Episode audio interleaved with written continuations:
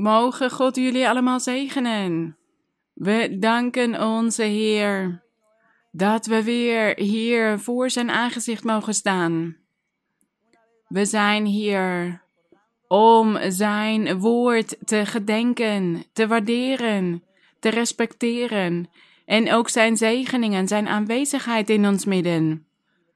En wij danken onze God voor al die weldaden die wij van Hem hebben ontvangen, velen van ons, en de rest zal dit ook ontvangen. Want God zal in iedereen werken, dankzij Zijn grote barmhartigheid. En ik herhaal jullie wat de broeder net zei over de tijden van de dienst. In Colombia gaf broeder Carlos Alberto bijna op woensdag de dienst om zes uur s'avonds. En dit zal nu een uur later zijn, zeven uur s'avonds in Colombia. Want hier in de Verenigde Staten is de tijd een uur veranderd. En nu hebben we dus dezelfde tijd als in Colombia. En ik weet niet precies hoe het met de andere landen is. Zodat de broeders in Colombia niet om zes uur de dienst verwachten, maar om zeven uur. En hier in de Verenigde Staten zal het ook om zeven uur zijn. En op zondag om elf uur s ochtends. Zoals we dit altijd hebben gedaan. De rest van de landen kan hiermee uitrekenen hoe laat de dienst bij jullie zal beginnen. Zodat we weten dat het een uur veranderd is. En wij danken onze Heer. Wij bidden tot Hem en wij vragen Hem om barmhartigheid dat Hij deze pandemie wegneemt, zodat Hij ons weer toestaat om samen te komen in de kerk, want we missen de samenkomst. Wij voelen die behoefte om samen te komen en zonder God te leven is erg verdrietig. We missen de samenkomst, de warmte, de genegenheid van de broeders en dat we voor elkaar kunnen bidden. Dat missen we. En ook de openbaring van God in de samenkomst, want in de samenkomst openbaart God zich. Want we kunnen wel thuis bidden. En we spreken met God, we vragen God om dingen, we roepen Hem aan, maar we voelen niet hetzelfde als wanneer wij samen in de bijeenkomst zijn, in de plek van samenkomst, in de kerk. Daarom lezen we altijd in de psalmen dat de naam van de Heer geloofd en geprezen moet worden in de gemeente van de heiligen, in de kring van de oprechten, in de gemeente van zijn gunstelingen. Zo zei de Heer Jezus dit, dat hij in de gemeente de Vader zou loven. En omdat wij dit dus missen, wij missen ook de handoplegging en de profetie. En ook de andere geestelijke gaven, de gaven van genezing, van onderscheidingsvermogen, van demonen uitdrijven en toverijen verbreken. We missen dit allemaal. En daarom vragen we in al onze gebeden aan God om deze pandemie weg te nemen. En om ons te vertellen wat we moeten doen. Dat Hij ons openbaart wat we moeten doen, zodat Hij barmhartig met ons allen zal zijn. Dat zijn onze gebeden. En ik denk dat we allemaal gelukkig zijn, verheugd, want we zijn trouw. Degene die trouw zijn, degene die volhouden. Degene die dapper zijn, die blijven naar de uitzendingen kijken. Degene die God trouw zijn en Hem volgen, die volharden op deze weg van de volmaaktheid die zijn op dit moment met ons verbonden door deze uitzending en toch zijn we daarom verheugd. De glorie zij aan onze God. Hoe groot is onze Heer, Hij is lovenswaardig. Hij is het waard om geëerd te worden. Gezegend de naam van onze Heer. Mogen God ook vandaag bij ons zijn zoals Hij dit altijd doet in deze onderrichten, in de overdenkingen die wij doen. Want wij doen dit met ons hart. Wij doen dit met veel enthousiasme. En we zijn wellicht ontroerd. Ons hart is geraakt, wordt geraakt door onze God als wij zijn woord lezen. En we zijn ontroerd, want God maakt zijn geschreven woord levend. Duizenden jaren later. Want duizenden jaren geleden is dit allemaal opgeschreven. En vandaag de dag maakt God dit nog steeds levend in ons eigen leven. En daarom zorgde God ervoor dat zijn dienaren alles opschreven. Dat alles opgeschreven is gebleven, alle geboden die hij aan Mozes had gegeven. Hij zei altijd tegen de personages: schrijf dit op in een boek. En wij horen dit vandaag de dag ook te doen, wat God tot ons spreekt, wat Hij ons belooft, wat Hij tot ons zegt door dromen en visioenen. We horen dit op te schrijven, zodat we het niet vergeten. En vandaag gaan wij het hebben over een vermaning of wellicht een herinnering. Wij allemaal die al in de kerk zijn en ook degenen die bij de kerk willen horen, die de onderrichten, de uitzendingen hebben beluisterd. We gaan het hebben over volmaakt zijn op de weg van de Heer. Hoe volmaakt te zijn of wat is volmaakt zijn op de weg van de Heer? Want dit woord volmaakt, we vinden die terug in de Bijbel. En in een aantal boeken wordt geschreven over de volmaaktheid. En er zijn mensen die zich afvragen wat dit betekent, volmaakt zijn. Een volmaakt leven leiden voor God. Sommige mensen denken dat dit betekent dat we niet over de grond lopen, maar in de lucht zweven, als het ware. Dat we niet eten, niet slapen, niet lachen, dat wij niet op stap gaan, dat we niet naar de zee gaan, in de zee zwemmen of op een boot reizen of een, op vakantie gaan. Mensen zeggen dat we volmaakt zijn als we ons van die dingen onthouden. Maar vandaag gaan we lezen we gaan in de Bijbel lezen waar het gaat over volmaakt zijn, zodat we hiervan leren. En zodat wij niet onwetend zijn in het woord van de Heer en dat we Hem juist kunnen behagen in alles. Dus wij gaan vandaag hierover leren en degenen die dit al weten, die gaan dit herhalen vandaag om leraars en leraressen te worden van het woord van de Heer. En we gaan het dus hierover hebben. Volmaakt zijn op de weg van de Heer. En hiermee gaan wij ons vullen van enthousiasme en blijdschap. Want we zullen zien dat we aan het eind van deze. Van dit onderricht zullen zeggen: Ja, we kunnen volmaakt zijn. We kunnen volmaakt zijn. Genesis hoofdstuk 6, vers 9. God had Noach iets opgedragen. Hier gaat het over de tijd van de zondvloed. Toen God zo boos was geworden op die generatie die bestond vanaf Adam tot aan Noach. God was toornig geworden. Zo toornig dat hij had besloten om het leven af te nemen van de hele mensheid. Ze hadden zich vermenigvuldigd sinds de tijd van Adam tot aan Noach. Maar voor Noach zijn er ook vele aartsvaderen geweest. Aartsvaderen, want ze waren allemaal tegelijkertijd een rechter, een leider. De baas, het hoofd van hun stam. En hij was ook de priester.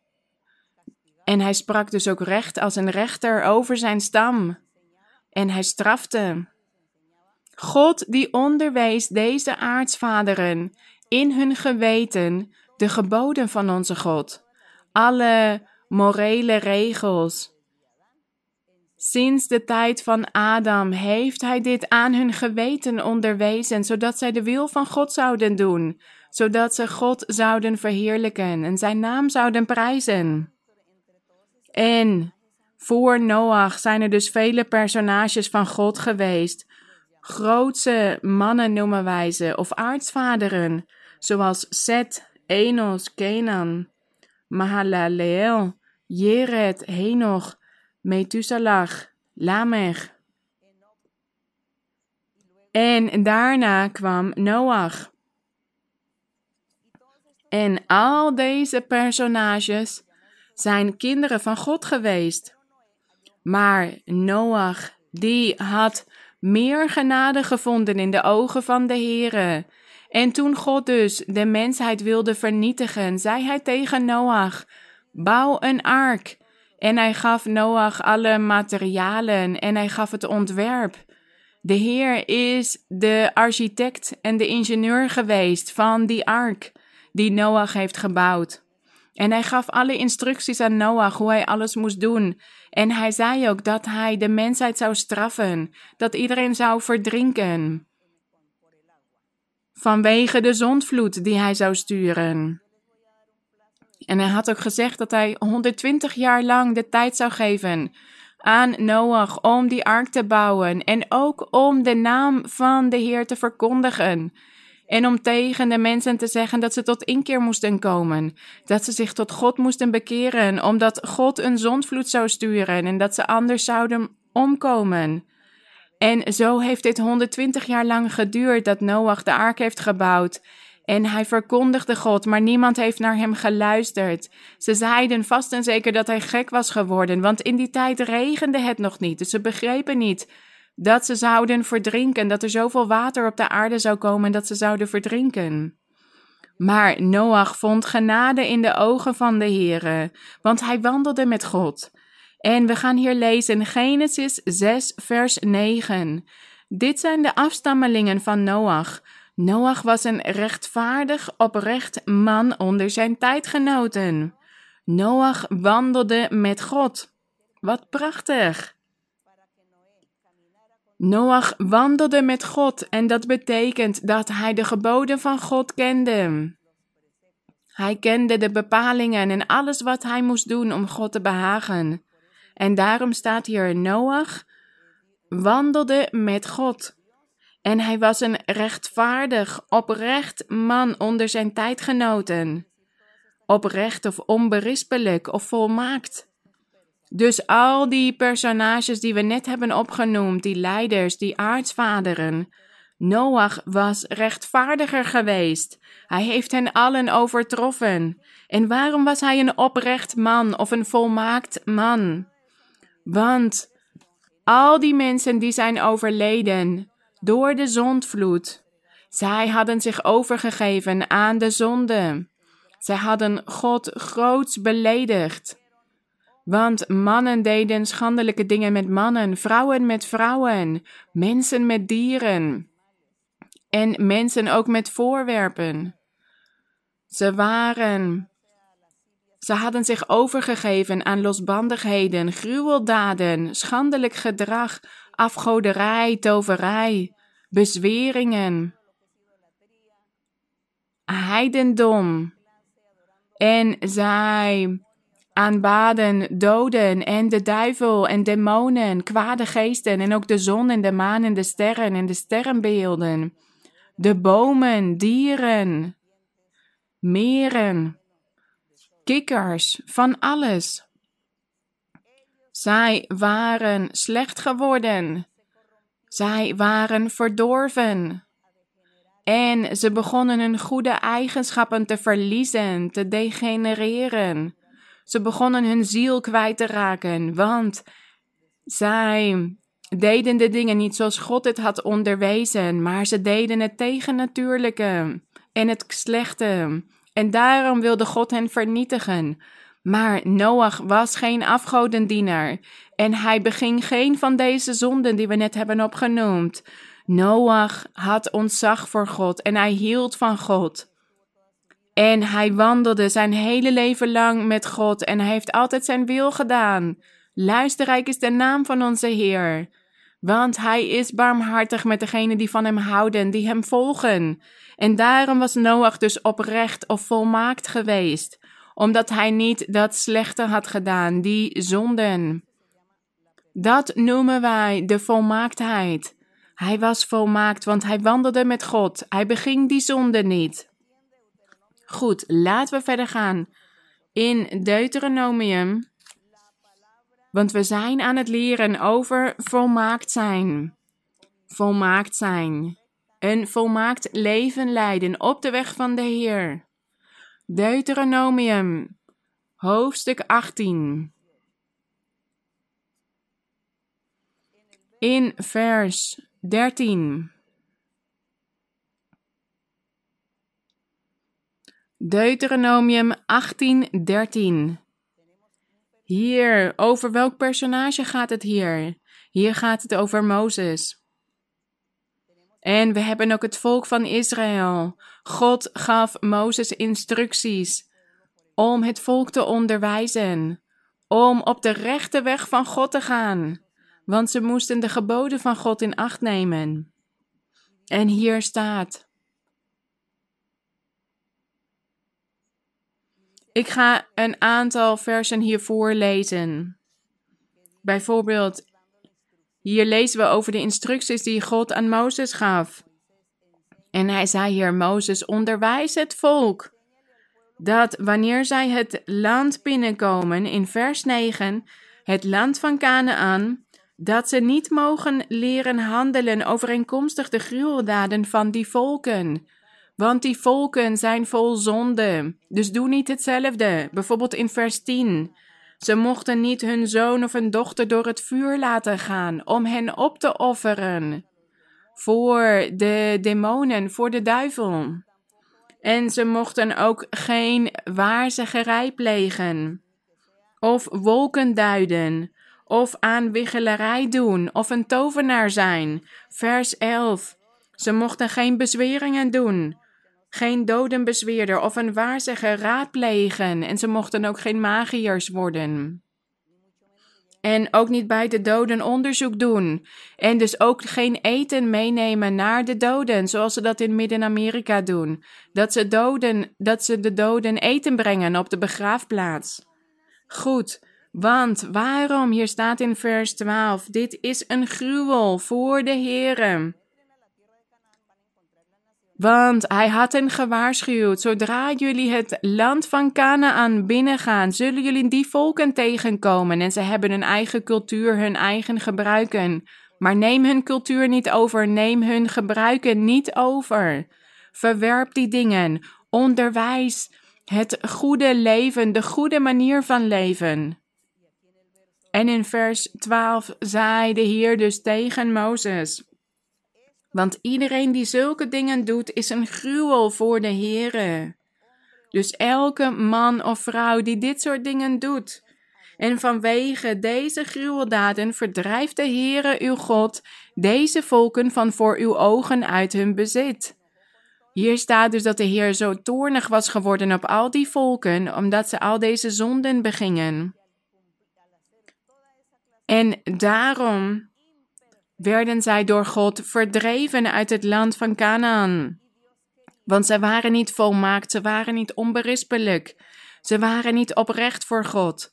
En daar hebben we het vandaag over. En daarom waarschuwde God het volk van Israël en zei dat zij wel oprecht moesten zijn, want anders zouden zij ook verdreven worden van voor Gods aangezicht. Vers 13. Oprecht moet u zijn, of volmaakt. Mozes, volmaakt moet u zijn tegenover de Heere uw God. En ook het volk van Israël moest volmaakt zijn tegenover de Heere. Ze moesten allemaal oprecht zijn, volmaakt, onberispelijk. Tegenover God. Dat is wat God tegen Mozes zei. Dus wat was die volmaaktheid? Of die oprechtheid? Broeders en zusters en luisteraars. Wat was die oprechtheid of die volmaaktheid? Ja, we hebben het net gelezen in de versen vanaf vers 9 tot en met 11. Dit is wat zij allemaal deden. Ze waren doden aan het raadplegen, magie aan het doen. En ze waren waarzeggers geworden, afgodendienaars. Ze lieten hun kinderen door het vuur gaan om de duivel te vereren, kwade geesten te vereren. Al die slechte dingen waren zij aan het doen. En daarom zei God over hen dat zij niet oprecht waren, dat zij niet volmaakt waren. En hij zei tegen het volk van Israël: Willen jullie oprecht zijn? Willen jullie volmaakt zijn voor mij? Dan mogen jullie die gebruiken van die volken niet overnemen. En vandaag de dag hebben wij wellicht ook de kans om naar een ander land te reizen. En als wij dan in een ander land aankomen, dan leren wij een nieuwe cultuur kennen, nieuwe gebruiken, maar ook veel heidendom, heidense praktijken, vele dingen die niet moreel juist zijn, die niet juist zijn volgens onze waarden, dingen die tegen de wil van God ingaan. Dit vinden wij in al die landen en wij kunnen deze dingen niet aanjuichen. Wij kunnen ook niet onze wetten aan hen opleggen, onze waarden, onze moreel, maar we gaan hen niet aanjuichen en hierin geloven en met hen meedoen en hun cultuur overnemen. Door te zeggen, ja, dit is hun cultuur, dit is een gebruik van de voorvaderen. Nee, dat is een leugen, het is gewoon zonde. Het is gewoon een zonde. En ze rechtvaardigen op deze manier hun zonde. Ze zeggen, ja, we moeten de cultuur respecteren, de tradities van onze voorvaderen. Maar op de dag dat jullie je voor God moeten presenteren, waar blijft dan onze cultuur? Degenen die dan de cultuur hebben gevolgd, die zullen naar de vuurpoel gestuurd worden. Dus wat brengt de cultuur ons? Niks. Laten we praktisch zijn en realistisch en laten we het woord van de Heer begrijpen en dan zal God ons zegenen. Hij zal ons zijn weg onderwijzen, het juiste onderwijzen, waarden. En God heeft altijd zijn geboden onderwezen, sinds dat Hij de mensheid heeft geschapen. En we zijn vandaag dus aan het leren over de volmaaktheid, over volmaakt zijn op de weg van de Heer. En laten we nu naar Job hoofdstuk 1 gaan. Job hoofdstuk 1, net voor het boek Psalmen. Job was ook een aartsvader. En dit boek is erg bekend over de hele wereld als een geschiedenisboek, als een verhaal. Vele mensen hebben over Job gehoord en velen zeggen ook: we moeten geduldig zijn als Job. Dus het verhaal over Job is bekend. Maar we gaan hierover lezen. Wat zegt God hierover? En wanneer was deze tijd van Job? Dit was voordat de wet van Mozes was begonnen. Want dit was in de tijd van de aartsvaderen. Toen de wet van Mozes begon te gelden, gaf God geboden en wetten aan het volk van Israël en bestonden er geen aartsvaders meer. Die hielden op met hun functies, omdat er toen richters kwamen en koningen. Maar in de tijd van Job was hij de aartsvader. En hier staat in hoofdstuk 1, vers 1: Er was een man in het land Us, zijn naam was Job, en die man was vroom en oprecht. Ja, broeders, wat een jaloezie. Sommigen zeggen goede jaloezie, geen slechte jaloezie, maar ik weet niet zeker of jaloezie wel goed kan zijn. Maar goed, laten we zeggen, wat mooi als God dit over ons zou zeggen dat hij zal zeggen: Je bent vroom en oprecht. En aan het eind van dit onderricht gaan we zeggen: Ja, we kunnen dit ook zijn, vroom en oprecht.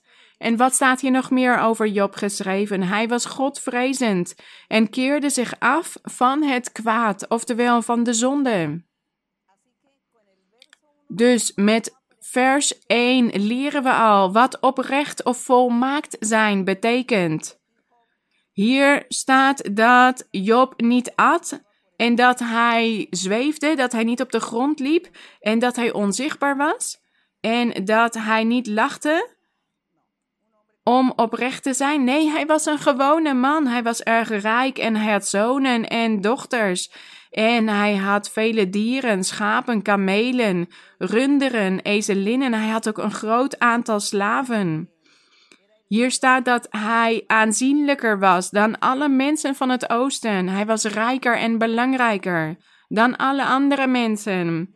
En zijn zonen waren gewoon om een maaltijd aan te richten. Elke dag. Dus hoe rijk waren zij wel niet? Dat ze elke dag feestmaaltijden hielden en dat ze mensen uitnodigden om bij hen te komen en eten. Ze hadden veel overvloed. Dus ze aten gewoon, ze dronken gewoon, ze hadden een huis, ze hadden een familie. En we zien dus dat hij niet zweefde of dat hij niet een gewoon leven leed om volmaakt te zijn. Nee, dat heeft er niks mee te maken. Hij was volmaakt op de weg van de Heer, maar hij deed al deze gewone dingen in zijn leven. En waarom was hij dan volmaakt of oprecht? Omdat hij Godvrezend was en zich had afgekeerd van het kwaad van de zonde. Job heeft geen enkele zonde begaan. Daarom zei God dat hij oprecht was en volmaakt. En God sprak zelfs tegen de Satan en zei: Hebt u ook acht geslagen op mijn dienaar Job? Want er is niemand op de aarde zoals hij. Een vroom en oprecht man. Hij is Godvrezend en keert zich af van het kwaad. Dat is wat de Heere tegen de Satan zei. En de Satan was zo jaloers op Job dat hij dacht: ik ga Job in de val laten trappen en ik ga hem laten zondigen. Hij zal zondigen. Dus geef hem aan mij over. Dat is wat de Satan tegen God zei. En ik zal ervoor zorgen dat hij zondigt tegen u. En God zei tegen hem: Ik zal hem aan je geven. Neem niet zijn leven af. Je mag doen met hem wat je wil, maar hij zal mij niet falen. Hij zal mij niet verlaten, want hij is volmaakt, hij is oprecht. En zo is dit ook gebeurd. De duivel heeft van Job zijn familie weggenomen, zijn bezittingen. Hij heeft hem ziek gemaakt. En zo heeft hij vele jaren moeten leven, Job. Maar hij heeft nooit gezondigd. En hij is God nooit afvallig geworden. En hij hield zoveel van God boven alle dingen en alle mensen in zijn leven. En uiteindelijk heeft God hem alles weer teruggegeven. En hij heeft hem weer die aanzien gegeven. En hij is dus altijd vroom en oprecht geweest en altijd Godvrezend. Dus we zijn hier aan het leren wat volmaakt zijn betekent. Laten we verder gaan. Psalm 18. Psalm 18, vers 33. Hier staat Psalm 18, 33. Onze Heer Jezus Christus spreekt hier. Maar hij gedroeg zich als een mens op de aarde. Toen hij op de aarde was, gedroeg hij zich als een mens. Hij gedroeg zich niet als God. Want hij was God ook, maar hij werkte op de aarde als een mens, want hij wilde laten zien dat mensen alles kunnen verdragen en goed kunnen leven voor God. En daarom heeft het zich als een mens gedragen, om te laten zien dat we allemaal de wil van God kunnen doen. En hier staat in vers 32, want wie is God behalve de Heere? Wie is een rots dan alleen onze God? Het is God die mij met kracht omgort. Hij heeft mijn weg volkomen gemaakt. Hier staat: God heeft mijn weg volkomen gemaakt of volmaakt. Waarom? Als er een man of vrouw is die van God houdt, die trouw is en oprecht is, eerlijk is met God en die er moeite voor doet om volmaakt te worden. Dan zal de Heer hen helpen. God helpt deze man of deze vrouw om volmaakt te worden. En hier zei de Heer Jezus Christus dus hetzelfde, want hij was hier als een mens aan het werk. En de duivel wilde hem vaak in de val laten trappen, zodat hij zou zondigen voor God. En hij is dus veel beproefd. Hij heeft vele verzoekingen meegemaakt, beproevingen. En hij is gelasterd. Hij is achtervolgd. Er is over hem kwaad gesproken, maar hij zegt: Het is God die mij met kracht omgooit, en hij heeft mijn weg volkomen gemaakt. En daarom zei hij, daarom ga ik op deze weg van de volmaaktheid door. Ook al zijn er moeilijkheden, benauwdheden, moeilijke dagen, ziektes, ik zal doorgaan op deze weg van de volmaaktheid. Want ik weet dat God mij zal helpen. Want ik heb deze beslissing genomen voor mijn leven en in mijn hart wil ik God behagen. En daarom zal God mij helpen. Zo doet Hij dit ook met ons. En in Psalm 37, Psalm 37, vers 18.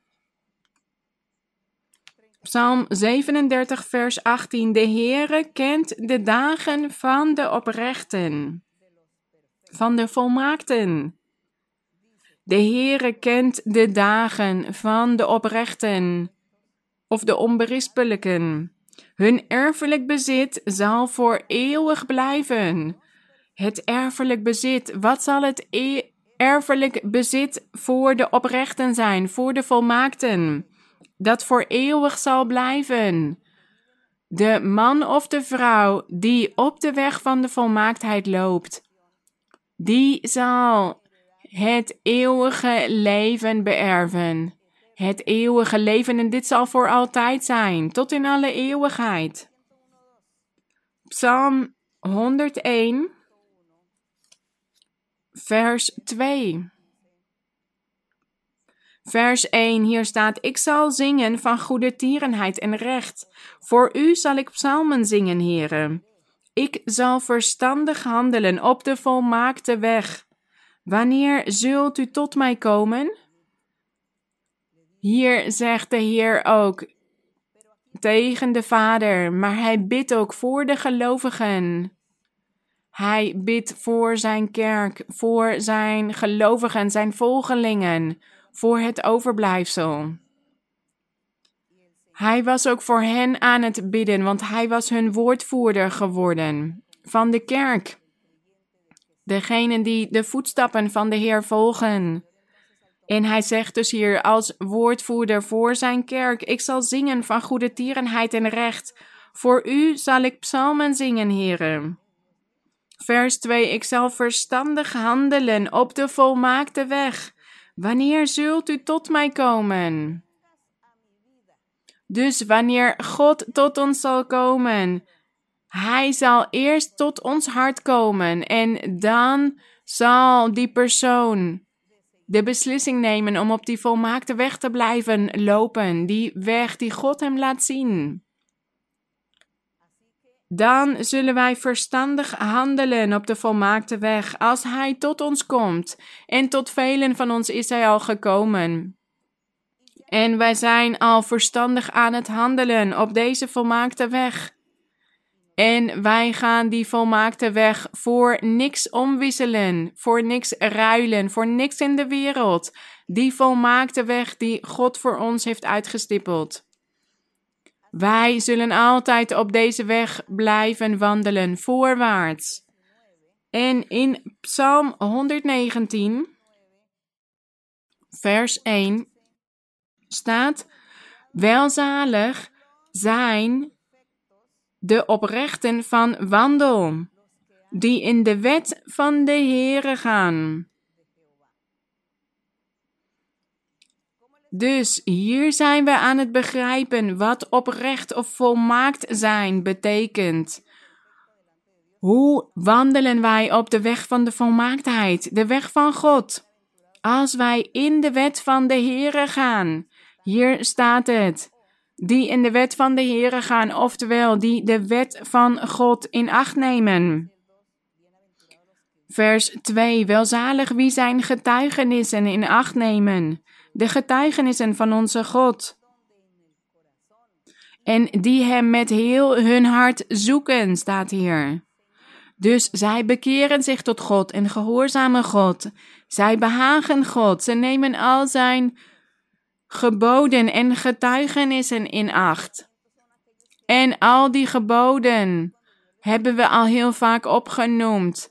En zoals bijvoorbeeld aan het begin zeiden, al die heidense praktijken. Dat zijn die zonden die wij dan niet mogen begaan. En daar hebben we het heel vaak over. Welke andere zonden, bijvoorbeeld verkrachtingen, diefstal, ontucht, overspel, drugsverslaving. Er zijn ook mensen die zich overgeven aan alcohol en die anderen kwaad doen of stelen, jaloers zijn, hebzuchtig zijn, geldzuchtig zijn, wraak hebben in hun hart, wraak nemen. Al deze dingen zijn verboden door God. Dat zijn zijn geboden. Dat wij al die zonden niet begaan. En dat vinden we allemaal terug in de wet van de Heere. En daarom staat hier: welzalig zijn de oprechten van wandel, die in de wet van de Heere gaan, die de wet van de Heer vervullen. Gezegend zij de Heer. Wij zijn hier al de weg van de volmaaktheid aan het begrijpen. En laten we nu naar Spreuken 28 gaan. Spreuken 28, vers 10. Hier staat. Spreuken 28, vers 10. Wie oprechten doet dwalen. Goed, de duivel zet vele mensen aan om de oprechten te laten dwalen, om anderen zonden te laten begaan. Dus iemand die oprecht was voor God, begaat dan ineens zonden, omdat hij verleid wordt door iemand die aangezet is door de duivel. Maar als we kijken naar het geval van de Heer Jezus Christus of van Job, in die gevallen is het de duivel niet gelukt om hen te laten zondigen. Vers 10. Wie oprechten doet dwalen op een verkeerde weg, zal zelf in zijn kuil vallen. Want degene die oprecht is, die zal niet in de kuil vallen. En degene die hem dan wil laten vallen, die zal zelf in zijn eigen kuil vallen. In de kuil die hij zelf gegraven heeft. Waarom? Omdat diegene oprecht is geweest die hij wilde verleiden. Omdat hij oprecht is. Want hier staat: wie oprecht zijn, zullen het goede erven. Het eeuwige leven en ook de zegeningen en de barmhartigheid van God gedurende dit leven op aarde. Want ze zullen niet in de kuil vallen, in de val van de duivel. Laten we dapper zijn en sterk. En in het Evangelie volgens Matthäus hoofdstuk 5, vers 48. Matthäus 5, 48. Hier gaat het over de Heer Jezus Christus. Hij is de mensen aan het onderwijzen, de geboden aan het onderwijzen, het woord van de Heer. Hij onderwees hier hoe dat volmaakte leven voor God moest zijn, hoe ze volmaakt konden zijn op de weg van de Heer. Hier staat bijvoorbeeld in vers 47. Hier staat: En als u alleen uw broeders groet, wat doet u meer dan anderen? Doen ook de tollenaars niet zo? Of de zondaars? Iedereen doet dat, die groet zijn familie maar vernedert wellicht anderen. Als u alleen van uw eigen familie houdt, maar niet van uw buren of vrienden of andere mensen om u heen, of er zijn wellicht mensen die uw hulp nodig hebben of troost. En als u toch genoeg hebt, maar alleen aan uw eigen familie geeft, wat brengt die houding u dan? Niks? Want zo doen alle zondaars dit ook, die helpen ook hun eigen familie. Nee, de Heer zei: we moeten vrijgevig zijn met iedereen, met onze eigen familie, maar ook met anderen. We moeten voor iedereen het goede wensen. We moeten iedereen lief hebben, alle mensen, niet alleen onze eigen familie. En we moeten dus ook geen wraak voelen jegens andere mensen en ook niet jegens onze familie. En hier staat vers 48: Wees u dan volmaakt Weest u dan volmaakt zoals uw Vader die in de hemelen is, volmaakt is. Dus we begrijpen elke keer meer wat die volmaaktheid betekent. De Heer zegt: Weest u dan volmaakt. En Ik weet niet waarom God zoveel verschillende namen heeft bedacht voor zijn weg, voor de goede manier van leven. Maar wij genieten hiervan, hoe hij dit allemaal beschrijft. Wij verheugen ons hierover, want dit motiveert ons om door te gaan, om die weg van de volmaaktheid te blijven bewandelen aan de hand van onze Heer. Matthäus 19, vers 21. Matthäus 19, vers 21. Hier gaat het over een rijke jonge man. En hij kwam naar, naar de Heer Jezus Christus toe, naar de goede meester. En hij vroeg wat voor goeds moet ik doen om het eeuwige leven te hebben? En de Heer zei tegen hem: Neem al mijn geboden in acht. En de jonge man begon een aantal geboden op te noemen en zei: Ik neem dit allemaal, ik heb dit allemaal in acht genomen, van mijn jeugd af. Wat ontbreekt mij nog? En toen zei de Heer tegen hem: Heel goed, je hebt al die geboden in acht genomen.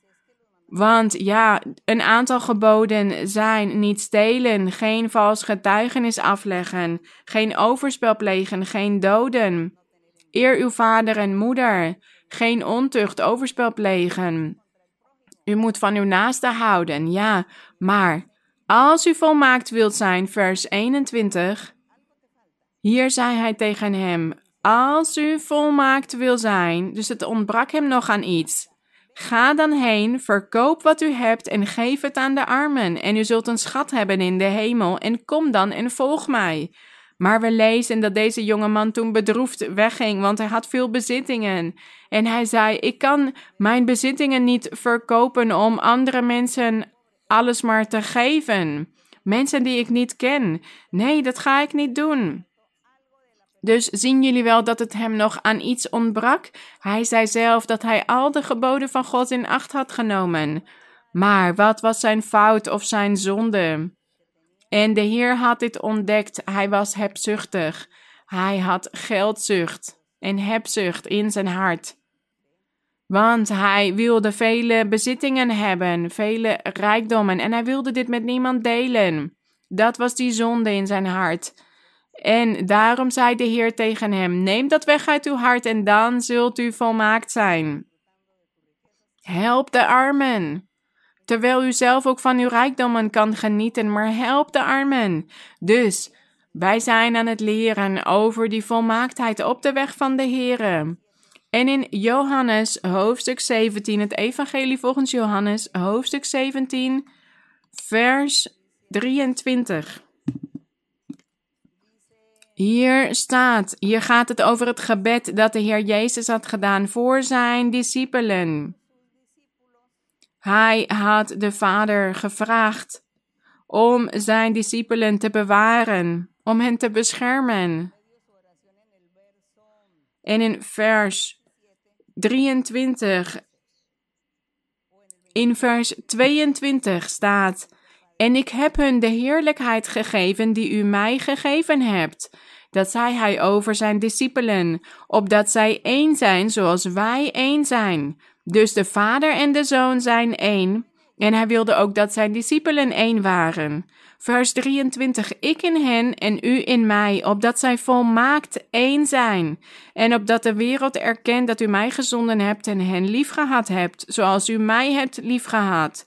Dus zij moesten volmaakt één zijn. Zij hadden de zonde al afgelegd en zij waren de geboden van God in acht aan het nemen, maar het ontbrak hen nog aan iets. Ze moesten dus volmaakt één zijn. Ze moesten één zijn in God, eensgezind. Eén God, één Here, één doop, één geloof. Eén in de liefde voor God. En bijvoorbeeld wanneer de hele groep samenkomt om God te loven, ook wij vandaag de dag, dan moeten wij één worden in de Here. Dus één hart met z'n allen. Een hart vol liefde voor God. Dat God wil prijzen en loven. En hoewel wij allemaal andere verschillende mensen zijn en wij onze eigen persoonlijkheid hebben, maar wanneer wij God aan het loven zijn, zijn wij één in de Here.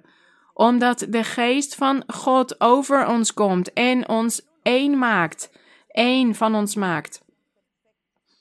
En hij zei dus tegen hen: Jullie hebben tegen de discipelen, zij hebben al hun zonden afgelegd, maar ze moeten nog volmaakt één worden, zoals u, Vader en ik één zijn. Wat mooi wat God voor zijn kinderen heeft, voor zijn gelovigen, voor degenen die hem volgen. Voor degenen die de weg van de volmaaktheid volgen. Wij danken onze God voor deze zegen, voor zijn barmhartigheid. Wij verdienen het niet, maar zo wil God dit. En laten we doorgaan naar 2 Korinthe, hoofdstuk 7, vers 1. 2 Korinthe, hoofdstuk 7, vers 1. Hier is het apostel Paulus die tot de kerk aan het spreken is, tot de kerk in Korinthe. En hij zegt, omdat wij dan deze beloften hebben, geliefden, de beloften van de Heer, de beloften van verlossing van het eeuwige leven, laten wij onszelf reinigen van alle bezoedeling van vlees en geest en de heiliging volbrengen in het vrezen van God. Dus hier dat wij ons moeten reinigen van alle bezoedeling van vlees en geest, dat betekent dat we geen zonden horen te begaan. Want op die manier volbrengen wij onze heiliging, oftewel worden wij volmaakt. Dan kunnen we in heiligheid leven, in volmaaktheid. Dan wandelen wij op de weg van de volmaaktheid als wij onze heiliging volbrengen. Colossense, Colossensen hoofdstuk 1, iets verderop. Colossensen na Efeze en Filippenzen komt Colossensen hoofdstuk 1, vers 28. Hier zegt ook de apostel Paulus in vers 27. Hier had hij het tegen de kerk van Colosse. En hij zei: Aan hen heeft God willen bekendmaken wat de rijkdom is van de heerlijkheid van dit geheimenis onder de heidenen. Christus in u. Christus was het geheimenis en dit wilde God bekendmaken. De hoop op de heerlijkheid. Vers 28. Hem verkondigen wij, Christus dus. Wij verkondigen Christus, terwijl wij ieder mens terechtwijzen. En ieder mens onderwijzen in alle wijsheid, in die met die wijsheid die God geeft. Waarom? Waarom wilde zij ieder mens onderwijzen in alle wijsheid? Opdat wij ieder mens volmaakt zouden stellen in Christus Jezus. Dus dat is waar zij moeite voor deden. Zij waren aan het terechtwijzen, aan het vermanen, aan het onderwijzen. Met al die wijsheid die God hen had gegeven, zodat ieder mens volmaakt kon zijn. Volmaakt voor de Heer Jezus Christus zou kunnen staan, als een volmaakte man of een volmaakte vrouw. En dat is wat wij vandaag de dag ook aan het doen zijn. Wij spreken over dit geheimenis, over het evangelie van de Heer Jezus Christus. Het verborgen geheimenis. Wij maken het ook bekend. En God heeft ook aan velen van ons wijsheid gegeven om te onderwijzen, om te vermanen, om terecht te wijzen. Waarom? Waarom? Omdat wij het goede voor jullie allemaal willen. Wij willen dat God jullie ook zegent zoals Hij ons heeft gezegend. En daarom zijn we aan het strijden, zodat we allemaal volmaakt kunnen zijn. Dankzij de wijsheid die God ons heeft gegeven. Zodat iedereen volmaakt kan zijn op deze weg van de volmaaktheid. Zodat jullie ook deze weg belopen. Zodat God op een gegeven moment tegen ons kan zeggen: Jij bent oprecht. Jij bent volmaakt. Mogen de Heer dit over ons zeggen. Wat mooi als God dit concept van ons heeft. En Hij zal ons helpen om dit te kunnen bereiken. Dus laten we doorgaan. En laten we in Hebreeën lezen. Hebreeën hoofdstuk 11, vers 40. Hebreeën hoofdstuk 11, vers 40. Hier zegt apostel Paulus dat God het volk van Israël niet volmaakt heeft gemaakt. God wilde een heilig, volmaakt volk voor hem vormen. Een enig volk. gekozen uit alle volken van over de wereld. Hij wilde een volmaakt volk voor zichzelf hebben. Dat wilde hij in de oudheid met het volk van Israël. Maar de apostel zegt hier dat God dit niet heeft gedaan. Want hij heeft hen die volmaaktheid niet willen geven, omdat ze het niet waard waren geweest. Ze hebben God gefaald, God verlaten, zijn wegen verlaten en veel gezondigd. En daarom heeft God hen van voor zijn aangezicht verdreven. Maar in de toekomst wilde hij wel een volmaakt volk vormen met de Heer Jezus Christus. Een onberispelijke gemeente, want de Heer Jezus heeft dit zelf gezegd, dat hij een onberispelijke gemeente zou vormen, zonder smet of rimpel, voor zichzelf. En de Heer Jezus Christus zal dit dus wel kunnen bereiken. Hij zal dit doen. Hier is hij voor aan het werk om een volmaakt volk voor God te maken. Dat heeft God altijd gewild sinds het begin der tijden, dat hij een volk heeft dat hem looft en dat hem prijst en verheerlijkt. Maar hier in Hebreeën zegt apostel Paulus dat het volk van Israël dit niet heeft bereikt. Ze hebben die volmaaktheid niet bereikt. Want als zij volmaakt zouden zijn geweest, dan zouden wij in duisternis leven vandaag de dag. Dan zouden wij de zegen van God niet in ons leven hebben. Dan zou God niet naar ons hebben omgekeken. Dan zou Hij niet barmhartig met ons zijn geweest als zij volmaakt waren geweest. En hier staat in vers 39. God had vele beloften gedaan aan die personages die we in de Bijbel terugvinden. En hier staat in vers 39: En deze allen, dus allen die hier worden genoemd in hoofdstuk 11, deze allen hebben, hoewel zij door het geloof een goed getuigenis van God gekregen hebben, ja, zoals Abraham, Isaac, Jacob, Mozes, Samuel, David, zij allen hadden een goed getuigenis van God gekregen. Maar zij hebben de vervulling van de belofte niet verkregen, vanwege de zonde van het volk. Het volk werd verdreven door God en hebben die belofte niet kunnen ontvangen. Waarom? Vers 40. Daar God met het oog op ons iets beters voorzien had iets beters voor de gelovigen in het evangelie van de Heer Jezus Christus. Dus het zouden niet die ouden zijn, het oude volk van Israël, dat volmaakt zou worden. Maar het is voor ons als gelovigen in de Heer Jezus Christus. En de Heer Jezus Christus heeft de twee volken willen verenigen. Dus van het oude volk is het overblijfsel overgebleven. En hij heeft dit hier één volk van gemaakt, samen met de heidenen, met ons. En daarom mogen wij vandaag de dag van deze prachtige zegen van God genieten. Dus hoe mooi is het om volmaakt te zijn op de weg van de Heer.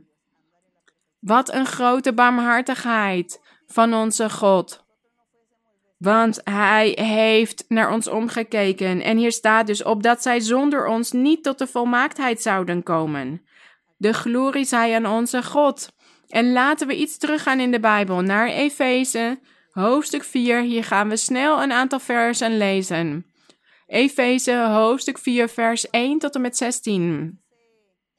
De apostel Paulus zegt hier, hij sprak hier, of schreef hier, aan de kerk in Efeze. Zo roep ik, de gevangenen in de Here, u op tot een wandel die de roeping waarmee u geroepen bent waardig is. In alle nederigheid en zachtmoedigheid, met geduld door elkaar in liefde te verdragen. Ze moesten elkaar in de liefde verdragen, in liefde. De gelovigen waren in die tijd al van het kwaad afgeweken. Dat is in liefde leven, dat ze de zonde hadden afgelegd. En ze moesten elkaar dus verdragen met veel geduld. Vers 3. En u te beijveren om de eenheid van de geest te bewaren door de band van de vrede. Eén lichaam, dit is de kerk, en één geest, de Heilige Geest, zoals u ook geroepen bent tot één hoop van uw roeping. Eén Heere, de Heer Jezus Christus. Eén geloof, geloven in God, zijn wil doen. Eén doop, de doop met de Heilige Geest. En we kunnen ook de doop met water noemen. Hoewel het iets fysieks is, de doop met water. Het is iets fysieks dat God heeft aangesteld en dat we horen te gehoorzamen. Degenen die in Hem geloven en die de weg van de volmaaktheid willen volgen, die zeggen: Ik laat me dopen in water. Want ik heb deze beslissing voor mijn leven genomen om op deze weg van de volmaaktheid te blijven wandelen en zo ooit in de eeuwigheid bij onze God te kunnen zijn. Dus hier staat vers 6, één God en Vader van allen. Dit is die eenheid van de geest. Eén God en Vader van allen, die boven allen en door allen en in u allen is. Eén Heere, één geloof, één doop, één God en Vader van allen, die boven allen en door allen en in u allen is. Maar aan ieder van ons is de genade gegeven naar de maat van de gave van Christus. Dus naar de wil van Christus. Wat Hij ons wil geven. Wat God of de Heer Jezus Christus ons heeft willen geven. En hier staat dat Hij in een van de psalmen zegt Psalm 68. Hij zegt hier in vers 8: Daarom zegt hij: Toen hij opvoer in de hoogte, nam hij de gevangenis gevangen. Oftewel, degenen die gevangen waren door de duivel, door de zonde, die heeft de Heer Jezus Christus gevangen genomen. Hij heeft hen voor zich veroverd. En hij gaf gaven aan de mensen. Hier hebben we het in een ander onderricht al over gehad. Vers 9. Wat betekent dit toen hij opvoer? Anders dan dat hij ook eerst neergedaald is in de diepten, namelijk de aarde. Dit waren die mensen die bestonden voor de zondvloed. Al die mensen zijn overleden in de zondvloed. En omdat ze toen nog geen godsdienst hadden of geen religie, is de Heer Jezus Christus barmhartig met hen geweest en zei: Ik ga hen het evangelie verkondigen. En velen hebben hier vast en zeker in geloofd. Dus dit zijn diegenen die voor de zondvloed waren overleden. Hij heeft hen het evangelie verkondigd en daarom was hij neergedaald in de diepten, in de lagere delen van de aarde. En degenen die in hem hebben geloofd toen hij dit heeft gedaan, die zullen naar het eeuwige leven gaan. Vers 11. En hij, de Heer Jezus Christus, heeft in zijn kerk, de kerk dat is het lichaam van Christus, hij heeft sommigen gegeven als apostelen, anderen als profeten, weer anderen als evangelisten en nog weer anderen als herders en leraars, om de heiligen toe te rusten, dus om de gelovigen toe te rusten tot het werk van dienstbetoon, tot de evangelisatie tot de opbouw van het lichaam van Christus. En hoe bouwt hij het lichaam van Christus op? Door het volmaakt te maken. De gelovigen volmaakt te maken, zodat zij ook in het werk van dienstbetoon kunnen werken zodat zij hun eigen leven kunnen opbouwen, hun eigen geestelijk leven en ook het geestelijk leven van alle gelovigen. En op die manier wordt het lichaam van Christus gevormd. Dit is de kerk van de Heer. Daar is een volmaakt leven voor nodig. Een volmaakt leven om bij het lichaam van Christus te mogen horen. Daarvoor horen wij de weg van de volmaaktheid te bewandelen. Vers 13. Totdat wij allen, wij gelovigen, komen tot de eenheid van het geloof in Christus, in het Evangelie, en van de kennis van de Zoon van God, tot een volwassen man of een volmaakte man. Dat wij dus allemaal volwassen worden in ons geestelijk leven, volmaakt, door het voorbeeld van onze Heer Jezus Christus te volgen. En hier staat tot de maat van de grootte van de volheid van Christus. Die maat van de grootte van de volheid van Christus moeten wij ook bereiken als gelovigen. Die volmaaktheid die Christus had als mens op de aarde. Daarom moeten wij volmaakt zijn op de weg van de Here. En wij kunnen dit bereiken, want hier staat dat hiervoor de apostelen en profeten en evangelisten en herders en leraars in de kerk zijn aangesteld. Zij zorgen ervoor dat alle gelovigen volmaakt kunnen worden over de hele wereld. Zodat iedereen volmaakt kan zijn, op de weg van de volmaaktheid kan wandelen, zodat er een onberispelijke gemeente zonder smet of rimpel aan de Heer kan worden voorgesteld. Dat iedereen deze volheid van Christus bereikt. Dit kan. Dit kan. Wij kunnen dit bereiken op de aarde, hier in dit leven. In dit leven kunnen we volmaakt worden. Vers 14. Opdat wij geen jonge kinderen meer zouden zijn, heen en weer geslingerd door de golven. Dus dat we heen en weer geslingerd worden. Nee, we horen geen jonge kinderen te zijn in onze manier van denken, maar juist volwassen, volmaakt. Want iemand die als een jong kind is, wordt heen en weer geslingerd door de, door de golven en meegesleurd door elke wind van leer. Door het bedrog van de mensen, om op listige wijze tot dwaling te verleiden. Die wordt bedrogen door iedereen, want een kind wordt makkelijk bedrogen. Maar als wij volwassen worden in het geestelijke, als wij volmaakt zijn, dan worden wij nooit meer bedrogen.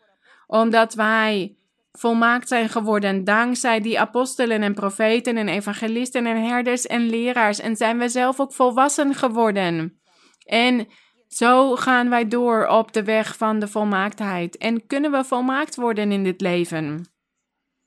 Vers 15 maar dat wij door ons in liefde aan de waarheid te houden, in alles toe zouden groeien naar Hem die het hoofd is, namelijk Christus. Dus we moeten groeien, naar Hem toe groeien.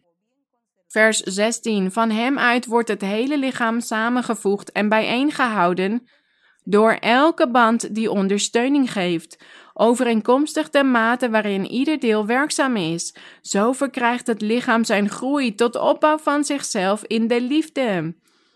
Dus dit lichaam is als een fysiek lichaam. Dat heeft alle organen nodig om te kunnen werken. Als één orgaan ziek wordt, dan begint de rest van het lichaam hier ook onder te lijden. En zo is het ook in ons geestelijk leven. We moeten allemaal één zijn in de Here, allemaal volwassen zijn, allemaal volmaakt zijn. In volmaaktheid leven. En dan kunnen we het lichaam van Christus zijn. En kijk dus in vers 16 hoe het lichaam van de Heer Jezus Christus wordt vergeleken met een fysiek lichaam. Van hem uit wordt het hele lichaam samengevoegd en bijeengehouden door elke band die ondersteuning geeft, overeenkomstig de mate waarin ieder deel werkzaam is. Zo verkrijgt het lichaam zijn groei tot de opbouw van zichzelf in de liefde.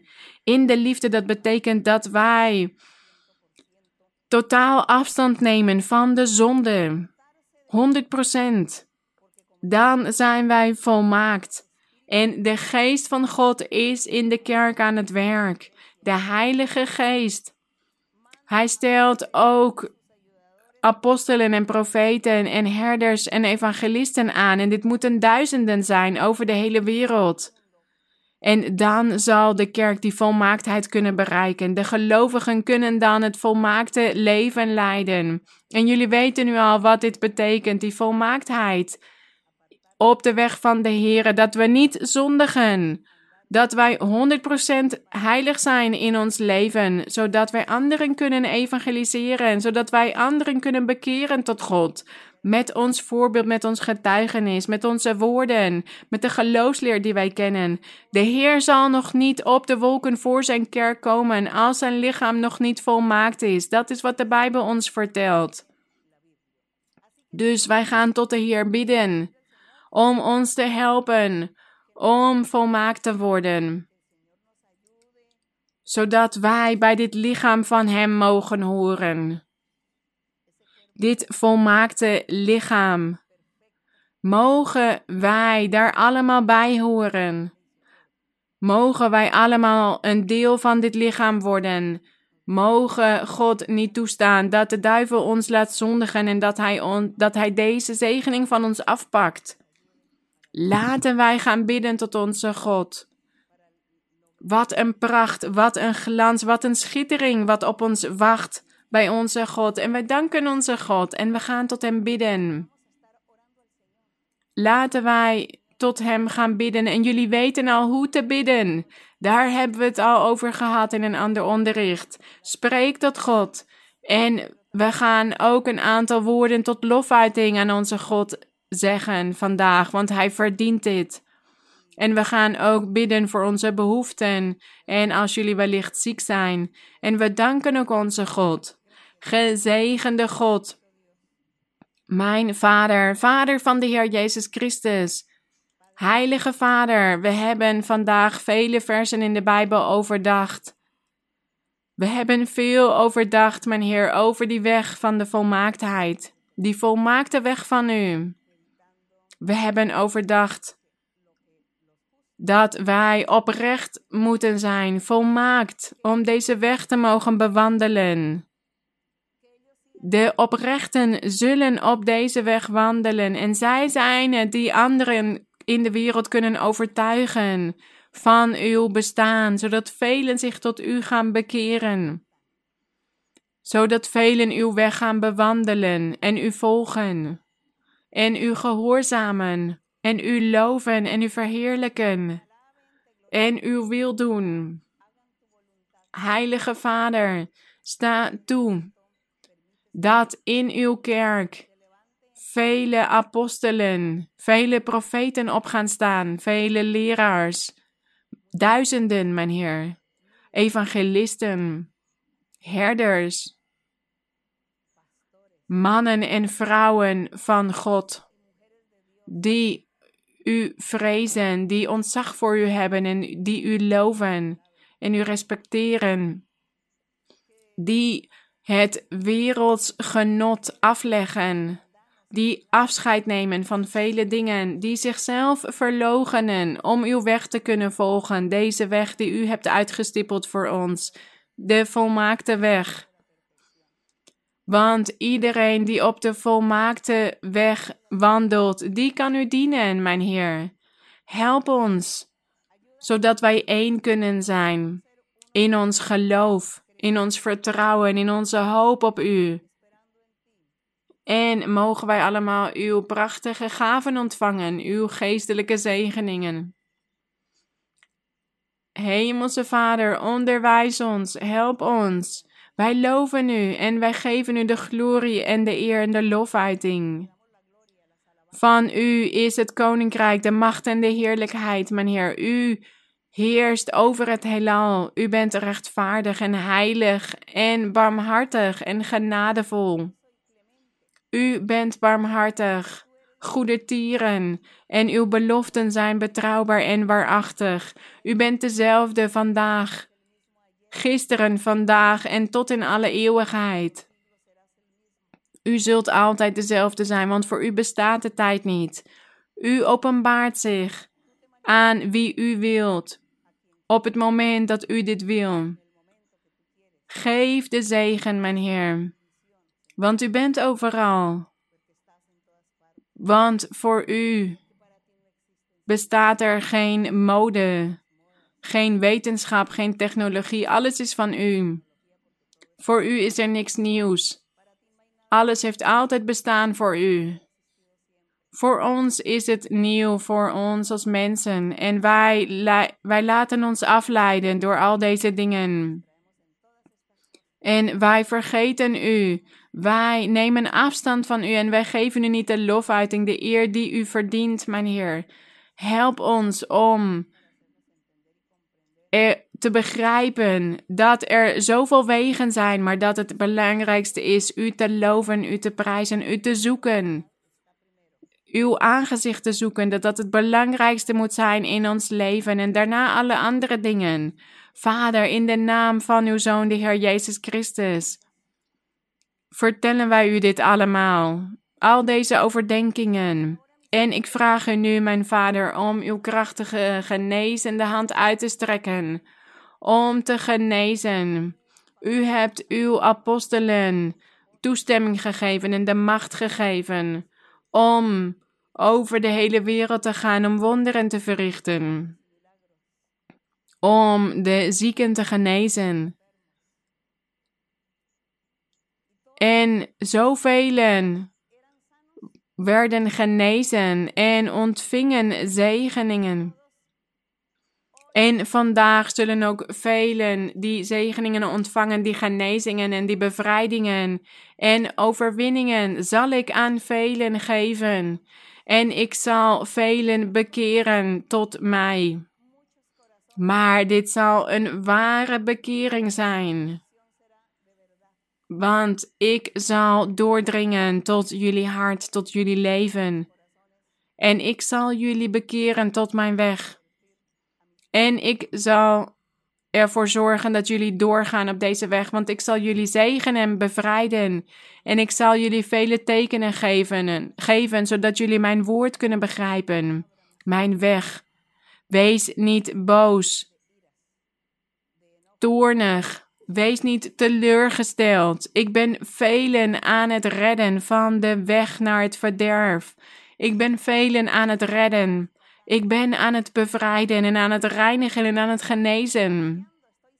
En ik ben materiële zegeningen aan het geven. En ik ben voorspoed aan het geven aan sommigen. En ik ben jullie gebeden aan het verhoren. De smeekbeden van velen. En ik ben mij groots aan het openbaren. Ga door, raak niet ontmoedigd. Want ik zal jullie problemen oplossen. Ik zal moeilijkheden wegnemen uit jullie leven. En ik zal ziekten en pijn en kwalen wegnemen. En ik ben ook vele hekserijen en toverijen en bezweringen aan het wegnemen. En slechte gewoonten, ondeugden en bedroefdheid uit het hart. En vele onreinheden ben ik aan het wegnemen. Ik ben het kwaad aan het wegnemen uit jullie leven. En er zal vrede en zegening en vrijheid komen voor velen. Vele veranderingen, positieve veranderingen. Zegeningen en overwinningen. Blijf de Bijbel lezen en blijf bidden, want de tijd breekt bijna aan. De tijd is nader gekomen dat alles weer normaal zal worden. Ik ben vele harten aan het beproeven op dit moment. En mijn hand zal daarom ook sommigen straffen. Diegenen die van mijn weg hadden genoten, maar zijn teruggevallen in een oude leven. Maar ik zeg jullie, ga door. Raak niet ontmoedigd. Er is voorspoed en zegening en ik ben mij groots aan het openbaren. En jullie zullen binnenkort deze positieve veranderingen in jullie leven zien, overwinningen. Jullie zullen binnenkort zien welke zegen ik jullie vandaag heb gegeven. Vele zegeningen en vele, veel vrijheid heb ik gegeven vandaag. Wij danken u, mijn Heer. Wij danken u, eeuwige God, in de naam van uw Zoon Jezus Christus. We danken u, mijn Heer. Wij verdienen het niet, mijn Heer. Wij verdienen het niet, alles wat u ons belooft, maar dat is uw liefde, uw barmhartigheid. Wij danken u, mijn Vader, in de naam van Jezus. De lofuitingen zijn aan u, de eer en de glorie zij aan u, mijn Heer. Koor 92 De Heere God staat aan mijn zijde. Hij is mijn bevrijder, mijn troost in lijden. De Heere God staat aan mijn zijde. Hij is mijn bevrijder, mijn troost in lijden. De Heere draagt mij op om nergens voor te vrezen, omdat Hij met mij zal wezen en mijn weg zal begeleiden. De Heere draagt mij op om nergens voor te vrezen, omdat Hij met mij zal wezen en mijn weg zal begeleiden. De Heere God staat aan mijn zijde. Mijn bevrijder, mijn troost in lijden. De Heere God staat aan mijn zijde. Hij is mijn bevrijder, mijn troost in lijden.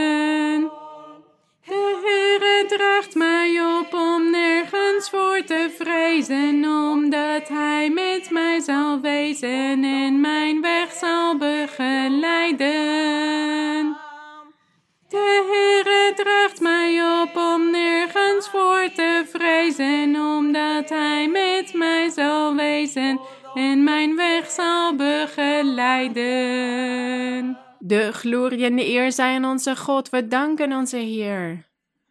Voor de mensen die nieuw zijn, die dit wellicht niet begrijpen en de profetie, die dit nog niet kennen.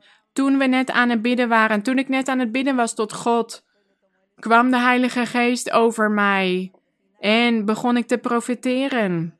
Dus wat jullie hoorden aan het eind van mijn gebed, een aantal woorden die niet meer bij mijn gebed hoorden. Dat is de profetie. Dat is dat de Heilige Geest over mij kwam en mijn mond, mijn tong nam om tot jullie te spreken, om al deze prachtige beloften te doen. Beloften van genezing en bevrijding en zegening. God zal jullie vele dingen geven. Dat is dus de profetie. Dus maak jullie geen zorgen als jullie het niet begrijpen. Raak je niet door verward. En ik dank onze Heer voor die prachtige beloften die Hij ons vandaag heeft gedaan. We weten dat Hij dit gaat vervullen. En wellicht niet in het leven van iedereen, want degene die niet goed leeft voor God, die zal Zijn zegeningen niet kunnen ontvangen. En daarom verlangen wij ernaar dat iedereen het onderricht van vandaag heeft begrepen. Dat we volmaakt moeten zijn op de weg van de Heer, dat we Zijn wil moeten doen, Zijn geboden in acht moeten nemen, zodat de Heer ons groots kan zegenen, want Hij is groot en onze schepper. Hij is de eigenaar van het heelal, van alles. Hij heeft alle kracht om ons gelukkig te maken, om ons te genezen om ons een prachtig leven te geven en ook het eeuwige leven. mogen God jullie zegenen en mogen Hij bij jullie zijn. Dank jullie wel. Ik hou van jullie in de Heer. Vele omhelzingen voor jullie allemaal. Dank jullie wel.